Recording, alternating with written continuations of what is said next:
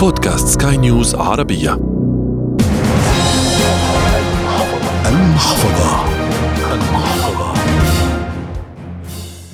في الآونة الأخيرة بدأت بعض المؤشرات الاقتصادية العالمية تعطي نتائج إيجابية لتعافي الاقتصاد العالمي من النكسات التي عانى منها. بعد كورونا والحرب الروسية الأوكرانية ثم تفاجأ العالم بحرب إسرائيل على غزة حتى عادت السلبية. وبعد هذا كما يقولون دخل الاقتصاد العالمي في الحائط جراء تدخل الحوثيين في الحرب وتهديد حركة الملاحة في العالم. التهديد كان للسفن المتجهة لإسرائيل رفضا للحرب وقتل الأبرياء والمدنيين والقصف العشوائي وعدم موافقة إسرائيل لدخول المساعدات الكافية للقطاع، لكن التهديد وصل للجميع هذه المرة عبر جيوبهم، لأن الأسعار ستزداد حتما، والبضائع ستتحمل تكاليف كل فلس سيصرف عليها جراء زيادة مسافتها ووقتها في البحر. حلقة جديدة من المحفظة تأتيكم عبر منصة بودكاست سكاي نيوز عربية على أبل، جوجل، سبوتيفاي، أنغامي والعديد من المنصات الأخرى. في إعدادها وتقديمها أحمد الآغا، ومن الإخراج الإذاعي غسان أبو مريم. الارتفاع المفاجئ في بعض السلع في قادم الأيام تأكد أنه بسبب ما يحصل في البحر الأحمر من إعلان حوالي 200 شركة عدم المرور فيه خوفا من استهداف سفنها من قبل الحوثيين. بول مرقس دكتور الاقتصاد والقانون الدولي ضيفي في هذه الحلقة يرى أن مستقبل المنطقة يعتمد على تعامل العالم مع هذه المعضلة.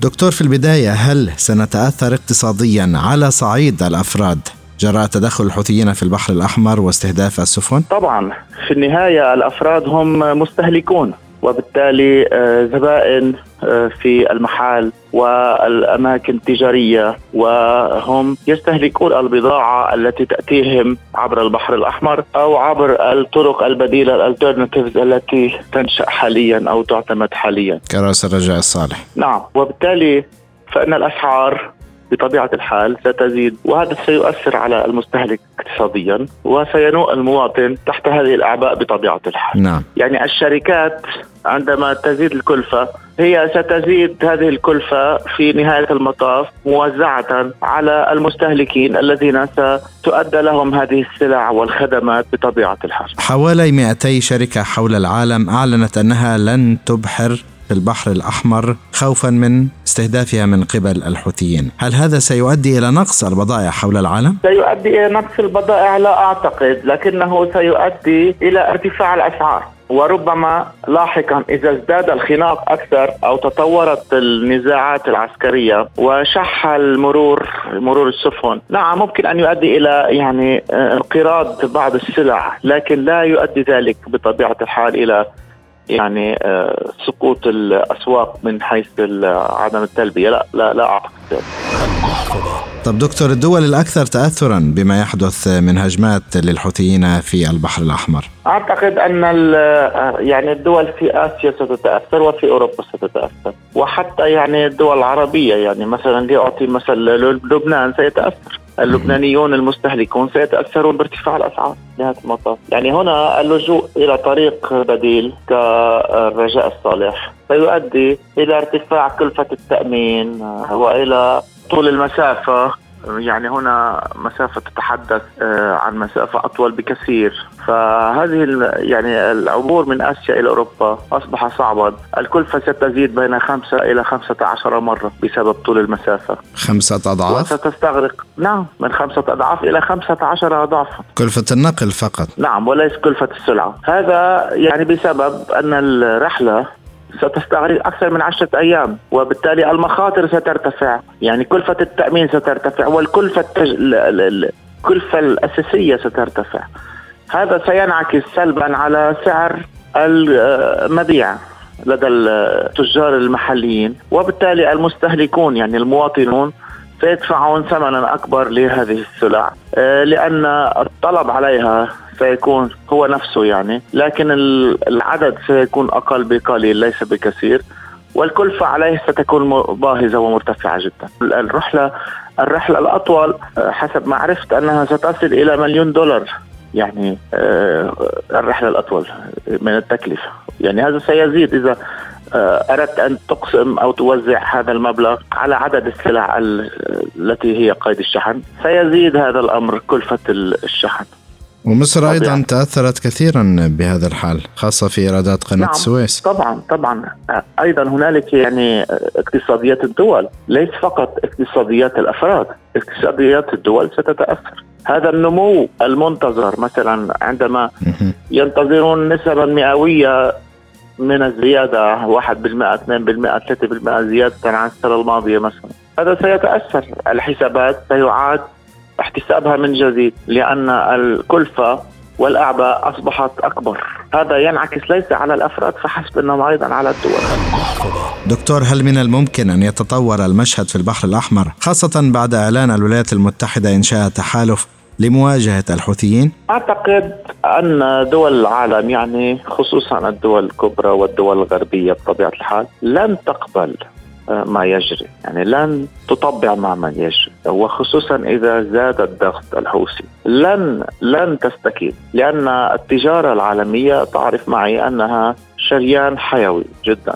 وربما الحروب وراءها كما تعرف المال والتجارة والاقتصاد ليست الحروب فقط هي بالنسبة لبعض الدول هي هي بسبب المبدأ أو المبادئ أو القيم آه، أو حتى الكرامات الوطنية أو الاستقلال أو السيادة أو سواها من العناوين البراقه التي تسبغ على الحرب. لكن الخلفية والغاية من وراء الحرب تكون غاية اقتصادية بطبيعة الحال خصوصا في القرن الواحد والعشرين. يعني لم نعد أمام غزوات أو حروب من أجل كسب مزيد من الأراضي فقط إنما أيضا وخصوصا بسبب وفي النهاية الاقتصاد يتأثر بهذه الحروب سلبا. نعم وهذا يؤثر بطبيعة الحال على الاقتصاديات العائدة للدول الأخرى التي ليست هي وراء الحرب فعليا ليست مشغل الحرب لأن الحروب تكون بالوكالة في أغلب الأحيان في القرن الواحد والعشرين. يعني ثمة دول كبرى تجري الحروب آه، لكن ليس باسمها وليس بجيوشها. والمواطنون ليسوا مواطنوها الذين يتأثرون بأثار هذه الحروب. طيب دكتور بعد كل هالأزمات اللي مرينا فيها خلال الثلاث أو أربع عوام الماضية، هل من الممكن أن يسرع ما يحدث في البحر الأحمر دخول العالم في حالة ركود؟ مع اعتراف بعض الدول أصلا بدخولها في حالة ركود. أساسا تعرف معي أن الركود والحديث عن ذلك بدأ مع الحرب الروسية الأوكرانية نعم. وسيزداد بطبيعة الحرب مع الحرب على غزة. نعم سنكون أمام مشهدية ركود أخرى هي المشهدية التالية لعام 2008 كما شهدنا المسار ذلك بعد 2008 سنشهد بدءا من 2024 ركودا نعم وكساد نعم وتراجعا في النمو في الدول التي تأثرت بهذه الحروب. أسف أن أقول هذه الدول والمجتمعات هي المجتمعات والدول الضحية. أما الدول الكبرى التي تقف وراء هذه الحروب هي تستفيد من بيع الأسلحة ومن إلائها مزيد من محاور الضوء وإلى هنالك من تمتين لموقعها الاستراتيجي في الساحة الدولية. يعني دكتور هذه الحلقة هي الحلقة الأخيرة في عام 2023 ومن آخر إجابة لك يعني أنا أرى أن لا يوجد تفاؤل في 2024 هل سنشهد بالفعل أزمات عالمية؟ أعتقد أننا سنشهد الآثار والزيول المتعلقة بما حدث في 2023 آه، وطبعا سابقاته من السنوات.